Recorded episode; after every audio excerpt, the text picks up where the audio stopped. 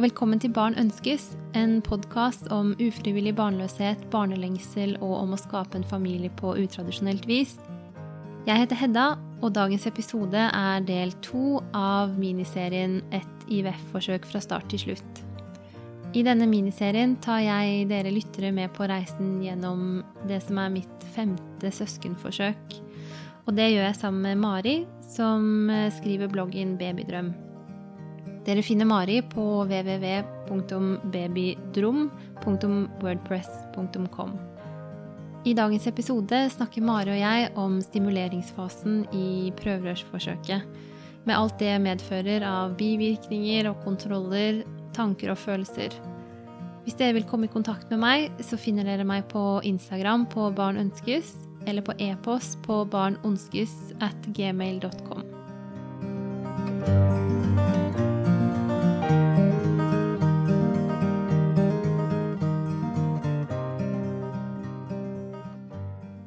Hei, Mari. Velkommen tilbake til Barn ønskes.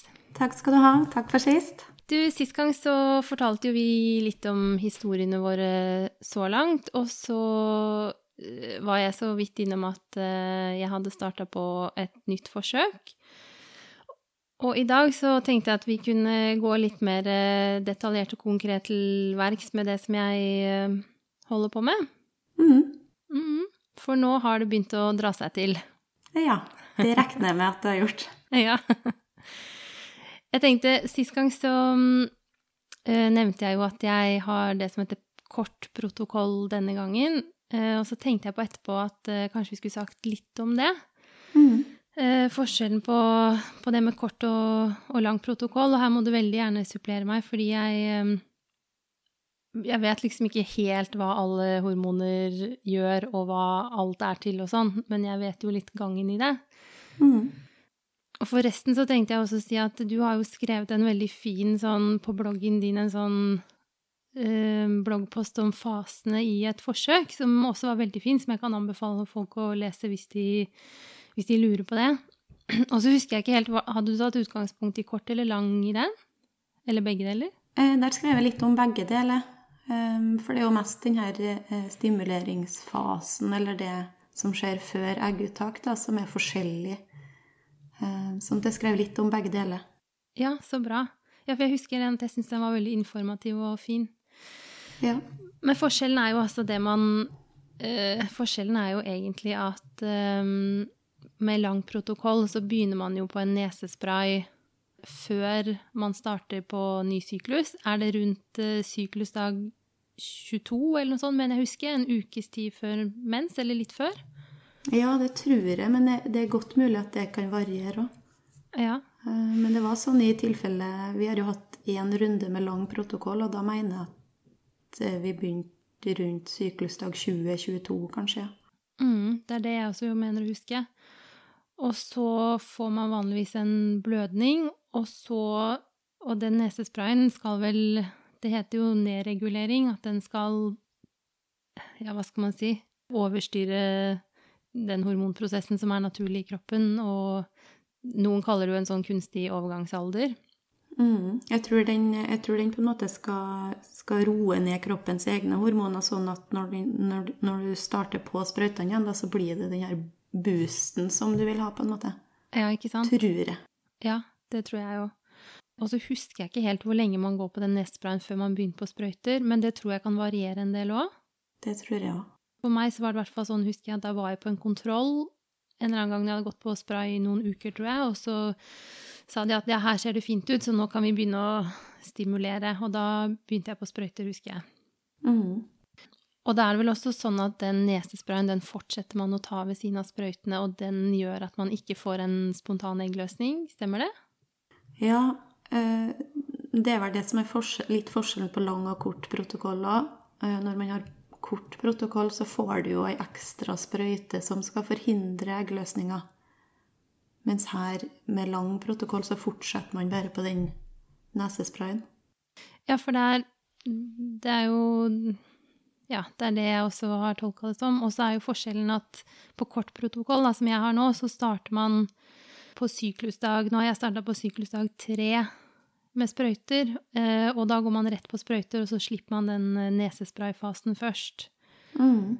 Og så er det riktig som du sier, at, at jeg i dette forsøket her, så begynte jeg altså på syklusdag tre eh, med den sprøyta som skal stimulere folliklene, som heter Menopur. Og så på syklusdag sju så begynte jeg med den andre sprøyta, den Orgalutran, som skal forhindre spontan eggløsning, da. Mm.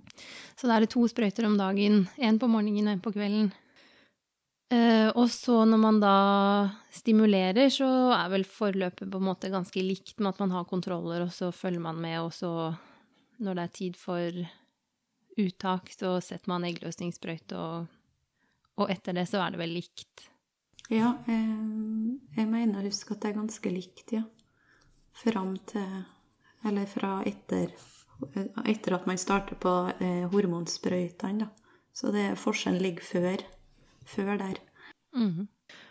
Og så tror jeg at det varierer litt fra klinikk til klinikk hvilken protokoll de ofte bruker. Jeg tror Rikshospitalet veldig ofte har lang protokoll, sånn som jeg hadde sist i 2015. Mhm. Eh, Og grunnen til at de bruker kort protokoll med meg nå, er fordi at eh, jeg har ganske høy sånn eggreserve og sånn polycystiske ovarier, som det heter. Og så er de litt redd for at jeg kan bli sånn overstimulert, da, som det heter. Mm. Men jeg er jo veldig glad for den korte protokollen. Jeg syns det er deilig, fordi det, det går mye fortere. Ja, det gjør jo det. Eh, Sånn at den, eh, den prosessen blir mye kortere, og, og påkjenninga blir kanskje eh, kortere òg, tenker jeg. Litt lettere. Ja. Eh, Det er i hvert fall den erfaringa jeg hadde, for jeg fikk veldig mye hodepine og sånn av den her eh, nesesprayen som man tar. Mm. Men hvordan uh, syns du det var å sette sprøyter på deg sjøl? Jeg vet det er noen som eh, er nervøse for det før de skal i gang. Ja, du, vet du nå, det var eh, et kjempehinder å komme over på det første forsøket vi hadde. Eh, det var utrolig tøft. For noen som i utgangspunktet har ekstrem sprøyteskrekk, Mm. så var det veldig rart. Eh, og har jo prata med har ei svigerinne som er sykepleier, og til og med hun sier jo at hun aldri hadde greid å satt sprøyta på seg sjøl. Mm. Sånn at å komme over den kneika var ganske brutalt i starten, altså. Men det er rart hvor ting kan gå seg til. Ja, man venner seg til det. Ja. Jeg også syns eh, Jeg jeg vil ikke si at jeg har sprøyteskrekk, men jeg grua meg veldig, husker jeg, i 2015 til å mm, sette den første sprøyta på meg sjøl. Og det var sånn at jeg satt på dolokket ganske lenge og prøvde mange, mange ganger, og liksom hånda stoppa rett før. Mm. Det går veldig på tvers av instinktene, føler jeg, å, å stikke seg sjøl sånn. ja, det gjør det. Og så er det litt forskjell fra sprøyte til sprøyte, fordi at eh, mange av de her hormonene er jo sånn her penne. Eh, Og de syns jeg er veldig greie å stikke sjøl. Men så har du dem med sånn som menopul, som er sånn her vanlig sprøyte som man trekker opp. De syns jeg var litt vanskeligere, for den spissen var liksom litt sånn tjukkere, på en måte. Ja. Så da måtte jeg ofte ha litt hjelp, da. Og da var det Vegard som måtte steppe inn litt og være litt sykepleier. ja, hvordan syns han det var, da? Jeg tror han syntes det var veldig tøft eh, for han, altså. Men, eh, men jeg syns det var mye, mye mindre vondt, da. Når han gjorde det, enn når jeg gjorde det på meg sjøl. Sånn at han forsto jo at han bare Det beste var jo at han gjorde det. Ja. Her er det faktisk litt eh, omvendt, og så er det rart, fordi Ola er jo sykepleier. Eh, så han eh, satte vel de første sprøytene på meg, men eh, jeg tror det var et eller annet med at jeg ble så litt sånn fnisete og nervøs at han ble litt satt ut, og så nølte han litt, og så syntes jeg det liksom ble slitsomt.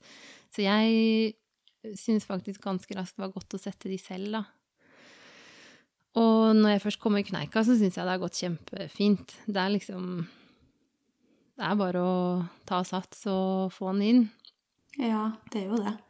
Men eh, jeg har full forståelse for at det er mange som syns at akkurat den biten er tøff, altså. Ja. For det, det er ikke bare bare. Og så oppdaga jeg Jeg var også litt nervøs nå i forkant av dette forsøket, for nå var det jo fire år siden sist. Eller nesten. Og så tenkte jeg kommer det til å være at jeg må over kneika på nytt, men det var faktisk som å sykle nesten. Det gikk eh, kjempegreit. Mhm. Så rart, vet du. Ja, ja. Så nå har jeg da gått på sprøyter i ti dager. Og så har jeg hittil hatt tre kontroller på Rikshospitalet, da. Ja. Så det var sånn På syklusdag åtte, da var jeg på første kontroll, og det er jo et sånn opplegg som er ganske eh, klønete for oss som ikke bor i Oslo, fordi da skal man ta en blodprøve klokka ja, senest halv ti. Og så er ultralydkontrollen etter lunsj en gang. Sånn at på den første kontrollen så hadde jeg ultralyd klokka to da. Og så tar jeg jo toget fra Hamar, så da tar jeg sju-toget, og så er, er man der hele dagen. Ja. For en kort, kort kontroll, egentlig. Da, så føles litt meningsløst når det, man er inne i fem minutter, og så, og så er det bare ut igjen og si ja, jeg kom igjen om tre dager. Så jeg var der på syklusdag åtte, og så var jeg der på syklusdag elleve, og dag 13, som var i dag, da. Mm. Ja, eh, den ser jeg. Vi har jo, litt, eh, har jo hatt litt det samme problemet, på en måte. For vi kjører jo til Trondheim, og det er jo omtrent tre timer herifra, det òg. Mm. Sånn at eh, det blir jo litt farting fram og tilbake. Men eh, du sier at du tar sånn blodprøve. Det har aldri jeg gjort. Nei, har du ikke det, nei? Nei. Hva er det de eh, tester, da? Det er det hormonet som heter eh, Er det østradiol det heter? Men hva det hormonet gjør, det vet jeg egentlig ikke helt. Men de okay. ser på hvordan den stiger, da. Og så tror jeg at fordi at eh, de er litt redd for overstimulering med meg, så er det litt sånn De balanserer litt på en knivsegg da, med den der eh, doseringen, for da får man jo beskjed fra gang til gang hvor mye du skal ta den menopuren til neste gang. Mhm. Så jeg husker i 2015 så var jeg faktisk på seks sånne kontroller på åtte dager. Ja. Jeg måtte gå inn igjen i journalen og telle hvor mange det var. Eh, og det var ganske slitsomt, men nå, den gangen her, så er jeg faktisk ferdig med kontroller nå. Og så det neste nå blir eh, uttak da på mandag, eller det som blir syklusdag 18. ja. Så det var deilig. Det var godt å få den beskjeden i dag. Ja, men eh, grunnen til at du er på så mange kontroller, er det fordi at, at dine eggposer vokser litt saktere, eller er det rett og slett fordi at de er så forsiktige med å øke dosene? De er nok ganske forsiktige med å øke dosene, ja. På den ene siden så, så blir det mange kontroller fordi at de øker dosen sakte, og jeg begynte på en veldig lav dose. Jeg begynte vel omtrent på det laveste som går, på 75 IE, da. Mm. Så jeg har tatt 150 noen dager, og så er jeg ned igjen nå på 112,5. Ja. Så det er liksom å, å følge med sånn sakte, men sikkert mens de vokser i For da vokser jo ikke forliklene så voldsomt fort heller, men jeg, jeg, de første, eller den første kontrollen på fredag så hadde jeg innmari mange veldig små forlikler, og da håper de at et lite knippe skal liksom rykke ifra, da. ja. Og det så det vel ut til at det hadde gjort i dag, da. Mm. Så i dag fikk dere eh, grønt lys på en måte, at eh, alt så klart ut. Ja, men de telte ikke opp, så jeg vet ikke hvor mange vi kan forvente, men ja, de forventer vel at det blir en håndfull, i hvert fall. Ja, men det er kanskje litt greit å ikke vite, vite akkurat hvor mange de tror at dere får av, for det eh, den har jeg kjent litt på at eh, de har telt så mange, og så, og så har det ikke blitt så mange likevel, og så blir man litt skuffa over det. Mm. Sånn at det er bedre kanskje å bare ta det som det kommer, og så slipper en i hvert fall å bli skuffa, da. Ja, det er jo veldig Jeg merker at det er veldig nærliggende for meg å tenke at det blir ca. like mange nå som sist. Men eh, jeg har jo blitt eh, fire år eldre, og jeg er i 30-åra, og det er slett ikke sikkert at, at det blir det samme. Så jeg, jeg er litt spent på det. Ja, det skjønner jeg. Men da har ikke du hatt så mange kontroller under dine forsøk? Eh, Vi har hatt eh, På fire av fem forsøk da, så hadde vi to kontroller.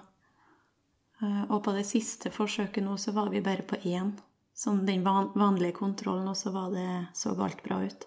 Ja, ikke sant? Sånn at jeg tror det er ganske vanlig å i hvert fall være på Jeg tror det er mange som er på i hvert fall to, da. Mm.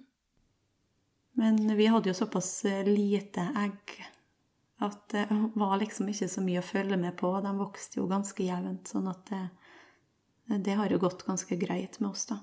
Ja. Det er jo Jeg har lagt merke til at det er en del som tenker en del på hvordan de skal gjøre det med jobb i den fasen her, fordi det er jo veldig sånn uforutsigbart. Man vet ikke helt uh, Man vet når man skal på den første kontrollen, og så vet man ikke når den neste blir, og mm. Har du kjent på det? Eh, ja, jeg har jo egentlig gjort det, da. Eh, jeg jobber jo som lærer, og det er jo liksom ikke bare å være borte en dag, for de må jo finne, finne noen til å være i mitt sted, på en måte. Sånn at eh, eh, heldigvis har vi valgt å være åpen med alle på jobben min, da. Jeg jobber på en ganske liten skole, sånn at vi er bare sju, åtte, ni lærere som jobber der. Sånn at alle har visst hva vi har holdt på med, og hvorfor jeg har vært borte. da. For det blir jo så tydelig når vi er såpass få, når noen er borte, altså er borte flere dager på samme uke. sant? Mm. Eh, så vi har vært veldig fornøyd med at vi, vi bestemte oss bare for å si det ganske med en gang, vi. Eh, og så har jeg jo bare sagt til sjefen min at eh, denne uka her så blir jeg sikkert borte noen gang, og så prøver jeg å si sånn ja, det kan hende jeg blir borte den dagen, men det er litt usikkert. Mm. Sånn at man spår litt inn i framtida hva dager det kanskje klaffer på. Mm. Men uh, vi har fått uh, Jeg har fått veldig mye støtte fra dem på jobben. Jeg jobber bl.a. i lag med ei som har vært gjennom det samme uh, for kjempe, kjempe, kjempelenge siden, da, riktignok. Uh, og sånn at um, Det er jo litt sånn kjekt det å få den støtten fra dem som er såpass mye i lag med deg i hverdagen min. Mm. Og at de viser forståelse og, og heier, heier, på oss da i lag med oss. Så det er jo veldig godt. Ja, det er det samme her. Jeg har også vært um, ja, Nå med disse søskenforsøkene, da, så har jeg i, liksom i økende grad vært uh, mer og mer åpen underveis. Lederen min har visst det hele tiden, og et par av de nærmeste kollegaene. Og så har jeg fortalt det liksom til noen av de andre. Ikke sånn at jeg har på en måte reist meg opp i lunsjen og tatt en kunngjøring, men jeg har fortalt etter hvert som det har vært naturlig, og jeg har også merket at jeg syns at det er veldig godt. For da for eksempel en uke her, da, så, så kunne jeg si fra til de som jeg jobber tettest på, da, som egentlig er avhengig av meg, at for det første har de visst nå i en måned at jeg kom til å være en del borte i månedsskift februar-mars, og så kan jeg si at ok, nå er jeg liksom i gang, så nå er det uforutsigbart hvilke dager jeg er her, hvilke dager jeg ikke er her. Eh, dette er de oppgavene jeg prioriterer nå, og det jeg har kapasitet til. Kan du være så snill å håndtere dette og dette og dette? Og da forstår, da forstår jo alle det, og er veldig sånn Opplever at folk er veldig opptatt av å hjelpe og tilrettelegge, og både leder, men også kollegaer, da. Mm. Eh, jeg syns også det er godt at eh, nære kollegaer vet i tilfelle jeg oppfører meg litt uh, uvanlig mm. og annerledes. Nå har jeg ikke gjort det um, under det forsøket her foreløpig, så har jeg vært mentalt ganske sånn som vanlig. Men i noen av de forsøkene tidligere så har jeg vært veldig Ja, hatt litt kort lunte og vært litt lett å vippe av pinnen. Ja. Og da har det faktisk vært et par ganger hvor jeg har måttet uh, Eller hvor jeg har valgt, da, og etter et møte f.eks. hvor vi snakker om noe som er vanskelig, og så kjenner jeg at jeg blir frustrert, og så klarer jeg nok ikke å skjule det like mye som jeg pleier. Og det å kunne gå inn og si sånn Du, nå var jeg sur i det møtet, men det var bare Eller du vet jo på en måte hvorfor. Mm. Ja, det er, det er utrolig greit, egentlig, at eh, det er jo dem du på en måte omgås mest med, bortsett fra samboeren din, da. Sånn at, eh, at, de vet litt hva som foregår, det tror jeg bare er utelukkende positivt. Det. Mm. Og hvis du er litt deppa, eller hvis du er i dårlig form og, og alt sånt som det her, da, så, så, skjønner de at det er en grunn til det, på en måte. Mm. Så det, vi hadde jo et forsøk i, i, august i fjor. Det var jo faktisk den første uka tilbake på jobb etter sommerferien. Selvfølgelig. Mm. Sånn at eh, da hadde vi planleggingsuke på jobb, og Eh, og jeg var ganske dårlig form. Eh, for jeg har reagert litt på noen typer medisin, da, annet den Menopur som du går på nå. Eh, sånn at da tror jeg rett og slett at jeg så grønn ut i ansiktet, altså. Men jeg er veldig sta med sånn at jeg skal på jobb, ikke sant? Men da sa jo sjefen mer at ta så, ta så gå hjem, du. Vi skjønner, at, vi skjønner hvorfor det, det går bra, liksom. Mm. Men eh, jeg liker jo at man skal prøve, prøve så godt en kan å komme seg ut. Da, for jeg, jeg har veldig dårlig av å ligge hjemme eh, alene når jeg står midt oppi forsøk, har jeg lagt merke til. Mm. For da blir jeg fort eh, deppa og inneslutta. Ja, du dyrker litt den her eh, sorgen eller fortvilelsen, da, jeg vet ikke. Er helt enig. Det blir veldig mye grubling. Mm.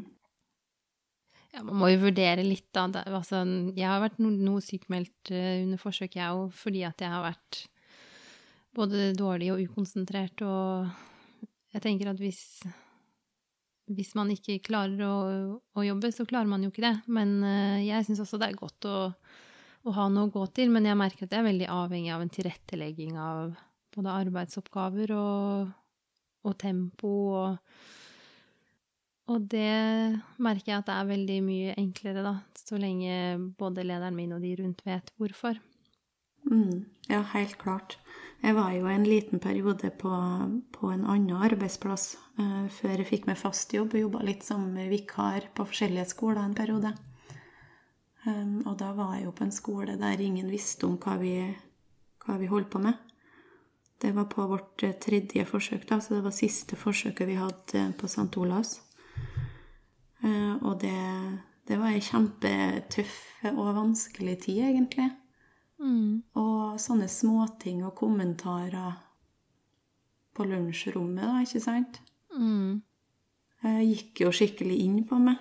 Eh, de fleste prater jo om, om barna sine og familien og, og spør ja, hvor mange barn har du. Har du ikke barn, du? Og, og det kan jo være veldig sårt når du står midt oppi det. Mm. Eh, og akkurat der og da så følte jeg ikke for å, for å fortelle om, om, det som vi holdt på med, for jeg visste at jeg bare skulle være der en liten periode. Mm. Sånn at jeg tenker at jeg har vært veldig heldig som har jobba på en såpass liten arbeidsplass med få og gode kollegaer som, som forstår hva vi er oppi. da. Ja. Så det er ingen selvfølge, tenker jeg, at eh, det passer ikke for alle å, å fortelle, da. Eh, det avhenger litt av forholdene rundt, på en måte. Det tror jeg absolutt. Jeg også føler meg veldig heldig med min arbeidsgiver. Jeg jobber jo i et stort firma, for eksempel, som gjør at uh, det er ikke noe krise. Det er alltid noen som kan uh, dekke opp for meg hvis det er nødvendig. Og så jobber jeg også i et firma som har en veldig sånn uttalt livssyklus-policy, da, at du skal kunne jobbe gjennom alle, alle livssykluser, og holdt på å si også gjennom livskriser. Mm.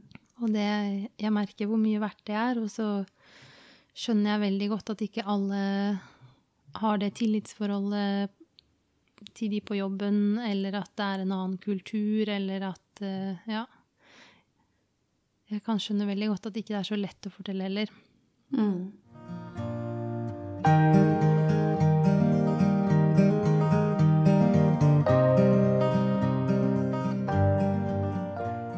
Ja, du nevnte at du ble litt uh, Hva var det du sa? Grønn i trynet av den uh, menopuren. Mm. Det merker jeg nå også. Begynner å bli både kvalm og Eller jeg har vært i noen dager nå kvalm og tung i huet og trøtt og Ja. Rett og slett litt sliten i kroppen, ja. Ja. Og det er litt sånn rart, for det kommer nesten på litt faste tidspunkter på dagen òg. Merker det. Det er akkurat som at det er jeg får en sånn dipp særlig rundt lunsjtider, og så rundt leggetid, da. Så det er nesten som at det er at jeg får en liten dipp noen timer etter at jeg har tatt de to sprøytene, da. Mm. Ja, sånn var det. Det var akkurat sånn det var i mitt tilfelle òg. Sånn at eh, jeg tok jo Menopur på morgenen. Så da var jo egentlig hele dagen ødelagt. Mm. Men eh, kjenner du noe til Det er jo veldig mange som blir litt sånn hoven i magen og sånn. Ja, det også begynner å bli veldig stinn. Ja, du som har så mange eggposer, må nå kjenne veldig til det, tenker jeg. Ja. Jeg ser liksom for meg en sånn håndfull med klinkekuler, for i dag så tror jeg at de folliklene var sånn ja, en på 17 og en på 15 og noen på 13 og sånn. Og hvis man ser for seg en håndfull med sånne klinkekuler i den størrelsen, så blir det jo ganske mye. Mm, det blir det. Så jeg merker at jeg, jeg blir veldig fort mett, og buksa strammer, og det er liksom ubehagelig å gå for fort. Og jeg sykler til og fra stasjonen på morgenen og ettermiddagen, og nå merker jeg at det begynner å bli ubehagelig hvis det er sånn humpete, og skal kanskje være litt forsiktig med det òg. Jeg vet ikke helt hvor Det skal vel mye til, men det anbefales vel ikke å hoppe og løpe og sånn. Nei, det kan hende. Jeg har ikke fått noen spesiell beskjed, så jeg tar sjansen på å sykle litt sakte og rolig. Ja, jeg tror det skal gå bra. Ja. Men du er i godt humør eh, fordi da, du kjenner ikke noe på den her eh, deppa du er, eh, Hvordan er du sånn følelsesmessig? Mm, veldig stabil, vil jeg si.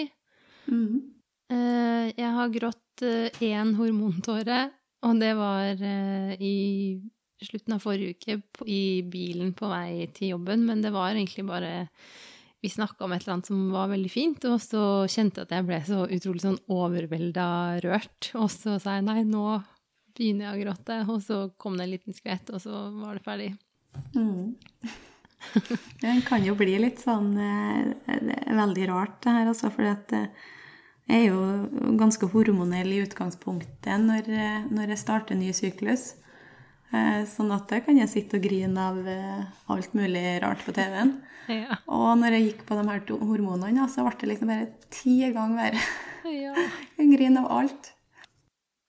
Nei, jeg syns det går veldig Jeg syns det går veldig bra. Over all forventning. For, for meg så er det Altså, det fysiske skal jeg alltid takle.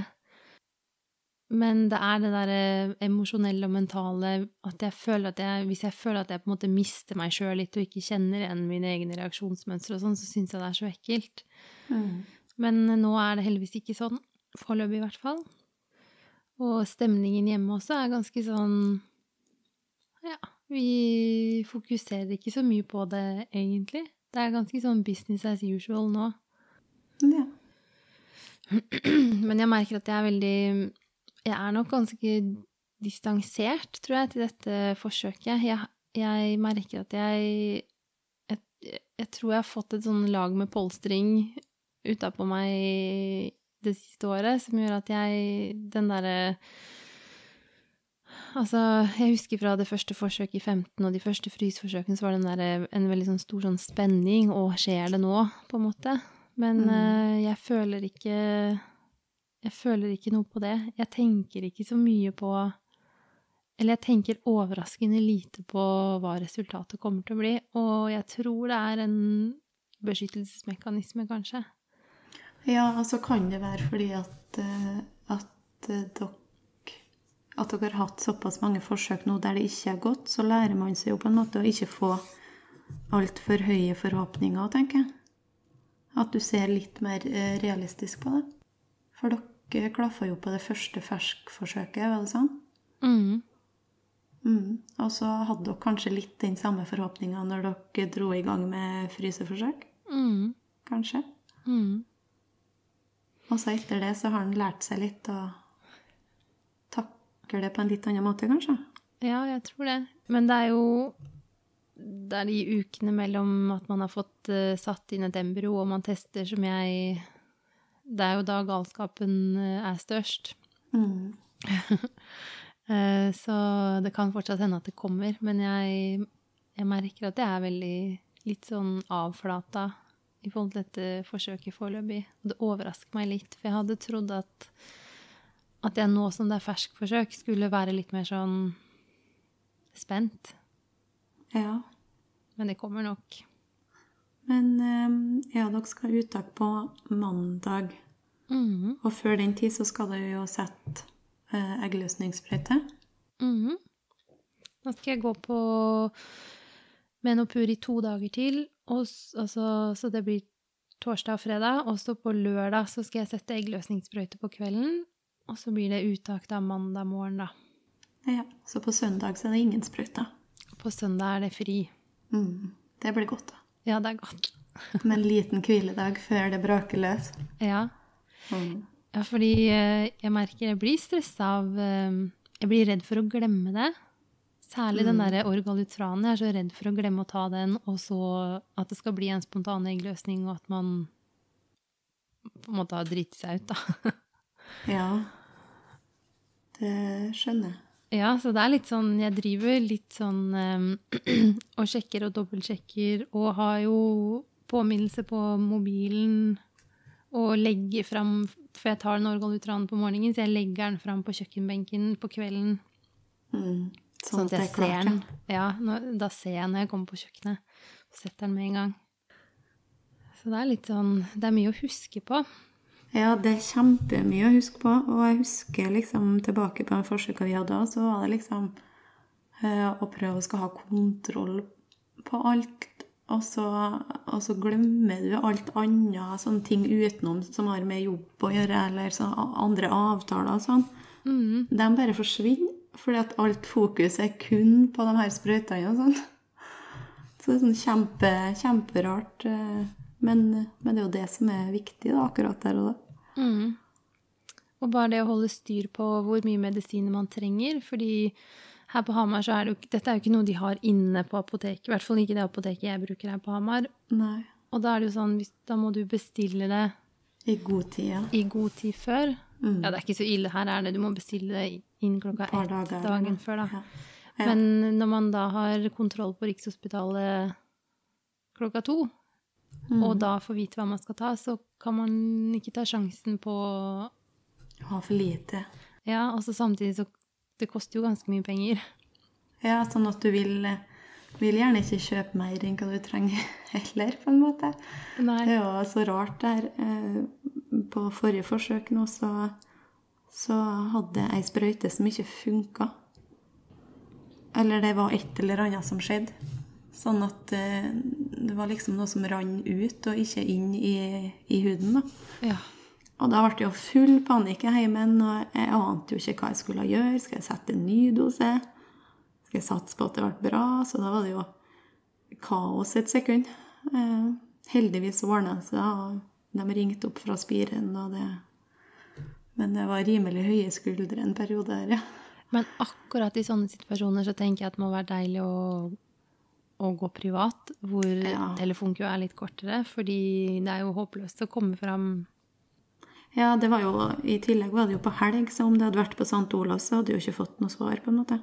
Nei. Så, så det var gull verdt å kunne ringe rett til Liv Bente på spiren og Hva skal jeg gjøre? Ja, man blir så utrolig stressa av det òg. Helt forferdelig.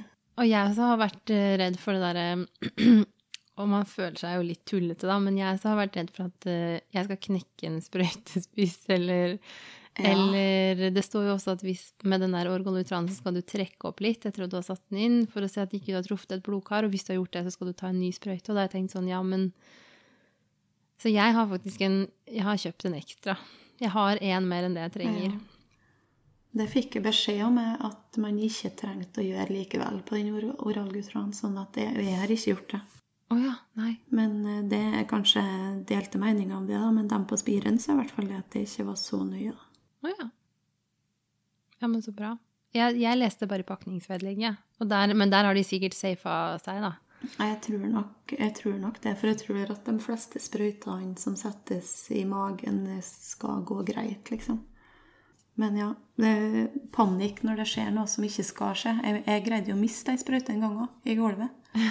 Ja. Når det var vel dagen før jeg skulle på kontroll i Trondheim eller noe, så, og så skulle jeg like i Trondheim den natta. Sånn at jeg hadde bare med meg hadde bare den sprøyta, og da måtte, måtte jeg bare bruke den. Ja. Eh, Så da var jeg jo vaska av med sånn her eh, ja, alkoholserviettopplegg, og ja, det gikk jo bra likevel. Men eh, det stressnivået som er i de få minuttene der, er helt forferdelig. ja. Jeg husker jeg glemte noe Jeg, jeg husker jeg glemte nesesprayen i 2015 òg. Mm. En, jeg tror det kanskje til og med var to, to doser jeg hadde glemt, og jeg fikk jo helt panikk. Ja. Men eh, det som jeg har fått høre, da, er jo at eh, vi er veldig opptatt av at alt skal skje nøyaktig til samme klokkeslett, og alt skal være liksom så on time, da. Ja. Men eh, jeg har jo hørt flere ganger at, eh, at vi er vi, Det har ikke så mye å si. Nei. Eh, Men at det skal være ca. til samme tid er viktig, men at eh, det systemet er mer robust enn hva vi tror, da. Sånn at hele forsøket går ikke i vasken om du setter sprøyta en time seinere eller en time før, liksom. Nei. Nei, jeg regner med at det er en viss sånn sikkerhetsmargin Mm. i det. Men hittil det, dette forsøket har jeg ikke surra med noe, så bank i bordet. Ja, vi får håpe det fortsetter sånn. Ja. Og nå har jeg skrevet opp på Nå har jeg liksom skrevet dag for dag på en sånn liten lapp som jeg har, sånn at jeg kan huka der og da Mm. For det er det òg jeg kan finne på å glemme Jeg husker med Nesspray nå, så kunne jeg glemme det. Har jeg, har jeg tatt den? Eller Ja. har ikke tatt den? Hvis jeg glemte, for det er vel sånn bak på den boksen, så er det sånn du kan huka. Men Kryssa, ja. ja. Ja, det, det er noe med det, så. Men uh, uttak på mandag, ja. Ja. Hvilke tanker har du, har du i forbindelse med det, da? Er du spent, eller gruer du deg, eller? Jeg gruer meg ikke så mye. Jeg er, jeg er spent på resultatet. Uh, og så gruer jeg meg litt for selve uttaket. Um, jeg har jo bare gjort det én gang før, og det er jo ganske lenge siden. Hvordan var opplevelsen den gangen, da? Eh, jeg husker det i hvert fall ikke som noe eh, sånn spesielt ugreit opplevelse.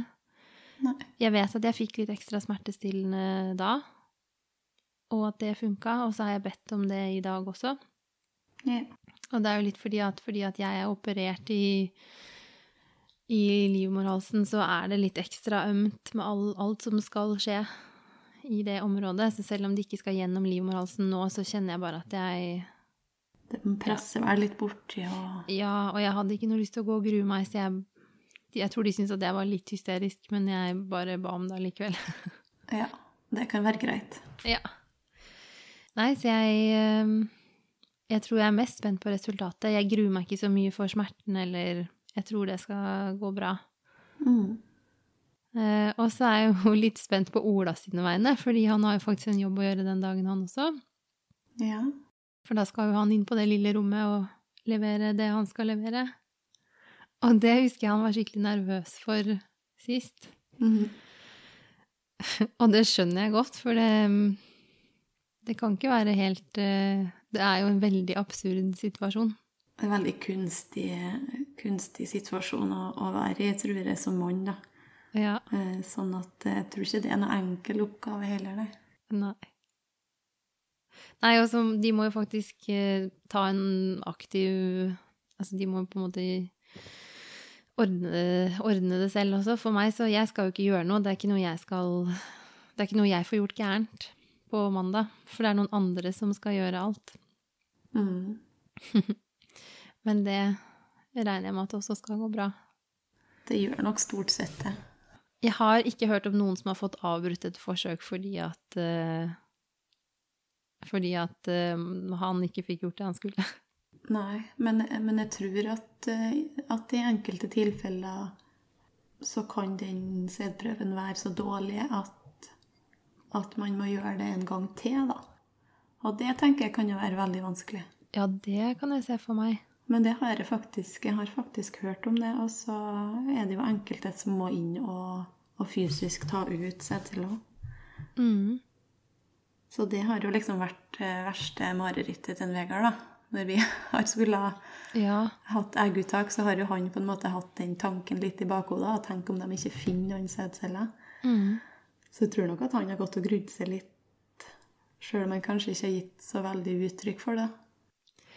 Men det kan jeg, jeg Nå er jo for Ola så det er, For han er det bare å få gjort det han skal, og så regner han jo med at den sædprøven er som den skal. Men jeg tenker at hvis man også har mannlig faktor, så må jo det være en kjempestressfaktor for den mannen som skal inn og gjøre det. Ja, det tror jeg òg.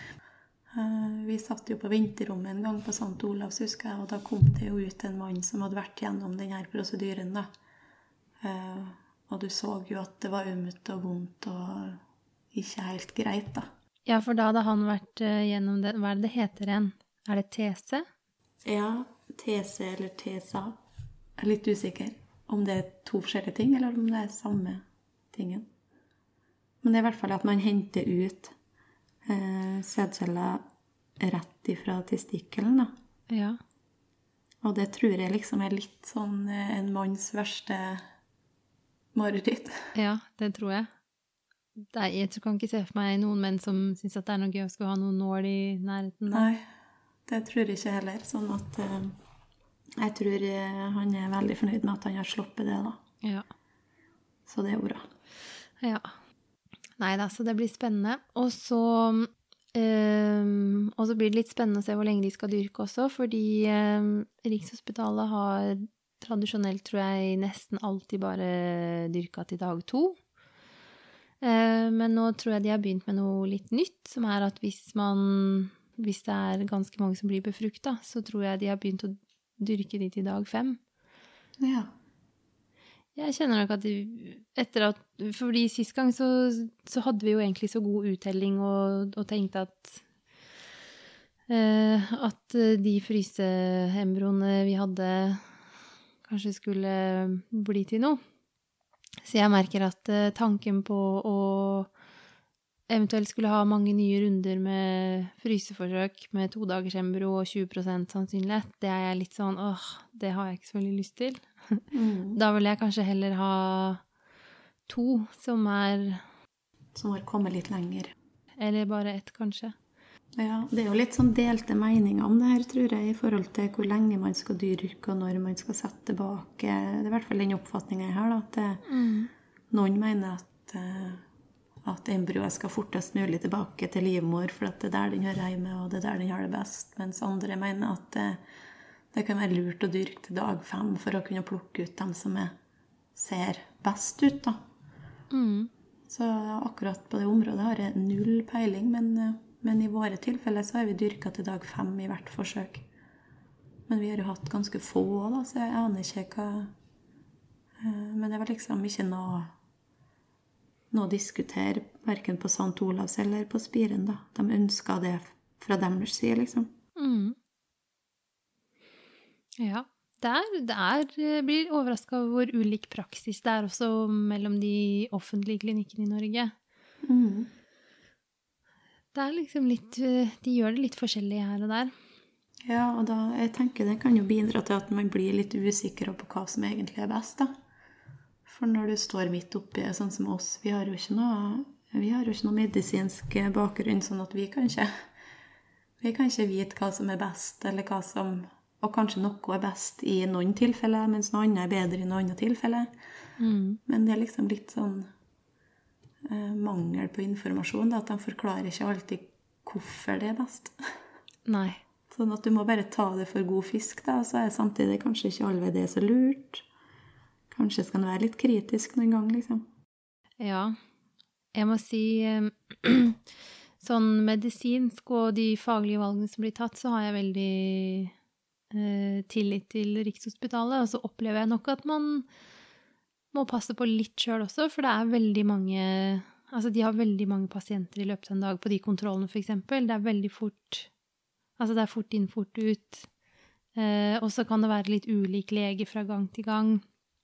Ja. Så det å faktisk eh, være litt oppdatert sjøl og passe på litt jeg, jeg opplever at det er litt lurt, da. Ja, helt enig. Eh, Sånn var det med oss på, på St. Olavs. Så var det jo nye folk egentlig for hver gang vi var inn til kontroll. Og det var ulike folk på, på alle uttakene som vi hadde på St. Olavs, f.eks. Mm. Sånn at vi hadde jo tre forskjellige leger da, på de tre uttakene. Eh, Og da Noen ganger så er det jo greit at det er den samme personen òg, fordi at de kjenner hvordan du reagerer hvis det er noe spesielt, eller Du er jo i en litt sånn sårbar situasjon, da, sånn at det Etter at vi for til Spiren, så er jeg veldig fornøyd med vi har hatt kun én person da, som har fulgt oss opp på alle kontroller, og som er med oss på egguttak. Og, og det er veldig sånn betryggende, da. Mm, det skjønner jeg veldig godt. Det er noe jeg savner på, på Rikshospitalet, er den kontinuiteten. Og så forstår jeg hvorfor det ikke er sånn, fordi de har begrensa midler, og øh, det er veldig mange de skal hjelpe. Ja. Men um, det er som du sier, man er i en sårbar situasjon, og, og det å uh, møte nye leger hver gang som ikke har sett journalen din, som ikke vet helt historien I hvert fall jeg kjenner at jeg blir litt mer utrygg av det. Jeg blir litt mer Jeg klarer ikke å være like trygg på Har du kontroll nå? Nei. Har du satt deg inn i alt? Og så er, er det skikkelig det som vi tenkte på når vi var på offentlig, og så tenkte vi liksom Er dette virkelig tilrettelagt for akkurat oss? Mm. Eh, For det kjente ikke helt vi på på de første to forsøka. Jeg føler at det var litt sånn standardprosedyre. Vi prøver den, og så Det gjør vi som regel med alle, på en måte. Og så går vi til neste, så prøver vi det. Sånn at det var kanskje først på det tredje forsøket liksom at vi, vi turte å spørre litt mer. Kan vi prøve noe annet? Kan vi Mm. Men jeg skjønner jo det at de har jo nødt til å prøve seg litt fram òg. Men at eh, ut ifra mine hormonverdier, da, så var det veldig rart eh, at jeg ble satt på en såpass lav dose. Eh, forstår jeg jo nå, da, ikke sant? Ja. Det ser du jo etterpå. ja, for det tenkte jeg på når du sa det sist, at jeg tenkte For jeg skjønner jo hvorfor de setter meg på en lav dose, og så skjønte jeg ikke helt hvorfor de gjorde det med deg. Nei, da kan man jo spekulere litt om det bare er litt sånn standard. Ja, vi, du føler kanskje ikke at de har satt seg skikkelig inn i eh, Jeg aner jo ikke hva rutiner de har og, og sånn på det der, da, men at det går opp noen lys når man har gjort det her såpass mange ganger, da. Så blir man litt sånn eh, Jeg vet ikke, nesten, nesten litt sånn bitter, ikke sant? For at det, det kunne ha vært gjort annerledes, da. Mm. Eh, Og samme med sånn som han Vegard, da, ble det jo ikke tatt Vi tok jo ikke noen prøver av han Vegard før vi kom på Spiren, blant annet. Så, så ingen hormonprøver, blodprøver, ble tatt av han på St. Olavs. Nei. Og det er jo litt rart, tenker jeg. Fordi at det kunne jo vært ting som han hadde mangla, type vitaminer, mineraler, et eller annet antioksidanter, eller eh, gudene veit hva, som kunne ha forbedra sædkvaliteten, da. Mm. Sånn at den blir litt sånn På veien så blir du litt sånn mer og mer kritisk, føler jeg, til, til det du skal gjennom, og det som har skjedd, da. Mm. Ja, jeg føler veldig på et behov for å få noen svar, og så opplever jeg at det kan de ikke gi. Og det syns jeg er veldig frustrerende, kanskje særlig med de fryseforsøkene nå, så der er så altså der, der har man jo de embryoene man har, så du får ikke gjort noe annet med hormoner eller Altså der er det jo ganske lite man kan kontrollere, men allikevel så Jeg kan bli veldig frustrert over at hvis jeg spør ja, men hvorfor går det ikke, så, så, er, det, så er svaret det vet vi ikke. Det er bare statistisk sett så er ikke dette noe unormalt. Så vi prøver, vi bare fortsetter å prøve. Ja, det er kjempefrustrerende. Det har vi tenkt mange ganger, vi òg. Ja, men hva er det som gjør, da? At det her perfekte embryoet ikke fester seg. For det liksom har vært eh, på hvert forsøk, da, så er det liksom Å, det er en perfekt embryo. Kunne ikke vært bedre, liksom.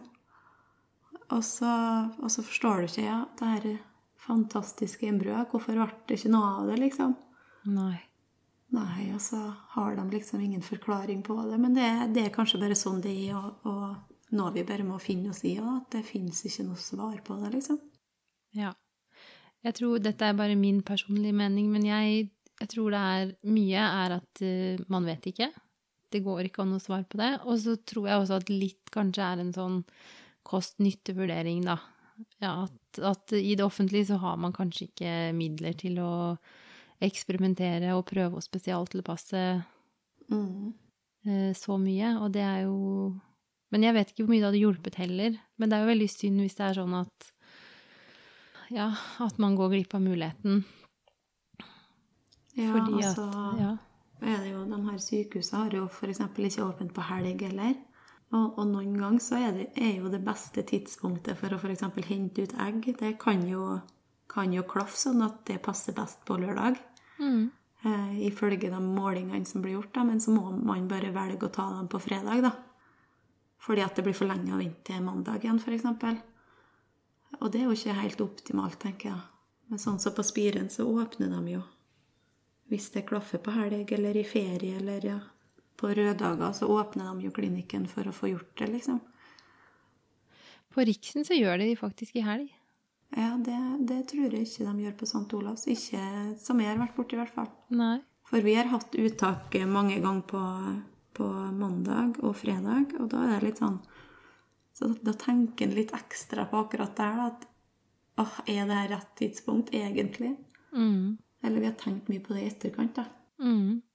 For det er så mye som skal klaffe som er opp til naturen, og tanken på at man da ikke gjør alt man kan for å tilpasse seg naturen, er ganske frustrerende. Mm. Men jeg tror nok det at det, det er ikke så mye man får gjort til og fra, da. Det er jo litt eh, Jeg, jeg tror Eller jeg valgte å tro at det er litt naturen sin gang, og hvis det ikke går, så så er det kanskje ikke liv laga det her embryoet vi har satt inn, da. Og da, det jo, da gjør jo kroppen på en måte bare jobben sin òg. Ja. Og støter det bort fremfor å, å starte et liv som kanskje ja, som kanskje ender i en spontan abort eller et eller annet annet seinere. Eller at du får et sykt barn, eller Det er jo mange sånne tanker som dukker opp. Mm. Du, du søker jo etter noe forklaringsalternativ, da. Sånn at eh, vi har jo bare valgt å, å se litt sånn på at det, det kanskje ikke var meninga at akkurat den skulle bli, da. Mm. Men det er vanskelig, det òg, da. Ja. ja, det er jo det. Det er lettere sagt enn gjort. Ja. Og jeg også har blitt irritert på det her med perfekte embryoer, den kommentaren. Mm. For det har du også satt til oss hver gang nå. Ja, det ser helt perfekt ut. Og jeg har nesten lyst til å si sånn Sier du det til alle? Ja, Sier du det til alle for å berolige oss? Er det sant? Men jeg vet ikke. Jeg har ikke spurt om det. Nei. Nei da. Så det er i hvert fall status her, og så, så blir det noen spennende Det blir jo en spennende uke for oss nå fremover. Mm. Men vi skal jo snakkes igjen, Det skal vi. Og da tipper jeg at jeg vært da, eller da har jeg i hvert fall hatt uttak, og så vet vi kanskje litt om hvordan det har gått med dyrking, og kanskje også innsett. Mm. Mm. Så takk for i dag, Mari. Tusen takk sjøl. Det var hyggelig som vanlig. Ja.